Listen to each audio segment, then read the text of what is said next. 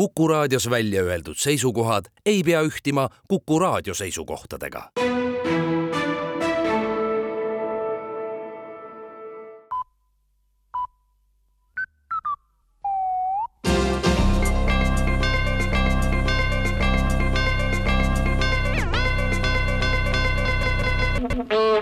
uudised on eetris ja stuudios Rohke Debelak. Tallinna linnavalitsus teatab, et on otsustanud muuta suvest kesklinna ja südalinna piirkonna kõrval järk-järgult sõidukite piirkiirust ka kogu linna ulatuses. esialgu on piirkiirus kõikjal kolmkümmend kilomeetrit tunnis, sügisest kakskümmend kilomeetrit tunnis. piirkiiruse allatoomine aitab pidevalt ummikutes seisvaid autojuhte, kellele hakkab vaikselt tunduma, et ega sõitmise ja seismise vahel eriti suurt vahet ei olegi ja pole mõtet ärrituda, kui tükk aega ühe koha peal seistud.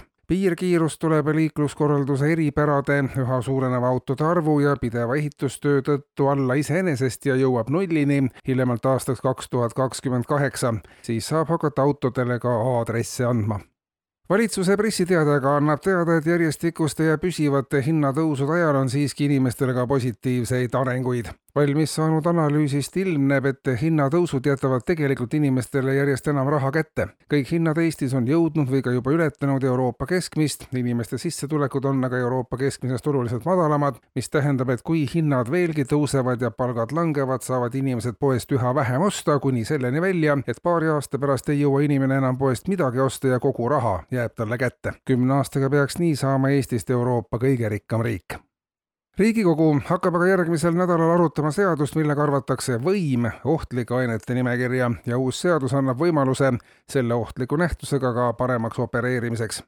võimu kahjulikku mõju on märganud paljud inimesed, võim võib pähe lüüa, võimuga kaubeldakse, sagedasti laskutakse võimu liialdustesse, võimu haaratakse, võimult kukutakse, paljud asjad surutakse Riigikogus väe ja võimuga läbi.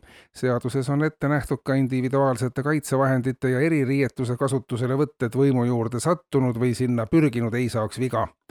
võimust kaugele jäävad inimesed on märganud, et seni igati eeskujulikult ja progressiivselt mõtlevad inimesed muutuvad võimuga kokku puutudes täielikult võimu ühearuse takistamiseks püütakse seaduses ette näha ka võimalust võimust loobumiseks, sest vabatahtlikult ei ole keegi siiani olnud võimeline sellist sammu astuma, märgitakse eelnõu seletuskirjas.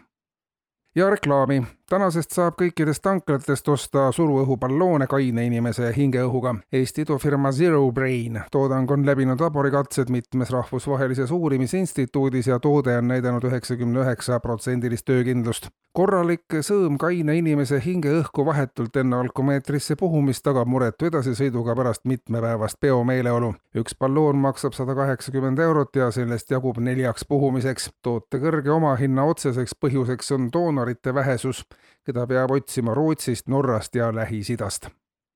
ja üks politseiteade ka, politsei poole pöördus eile keskpäeval meeskodanik, kes oli poole tunni eest Balti jaama läheduses saanud tõuke tegelemaks purjespordiga. mehe sõnul selgus hiljem, et kasutamiseks sobis neist napilt veerand, ülejäänud tõugud olid uimased või üldse liikumatud. tõuke andnud mees koos rahaga on aga kadunud. politseil on palve, kui keegi veel saab lähiajal tõuke tegelemaks ühe või teisega, siis sellest ka politseile koheselt teada anda.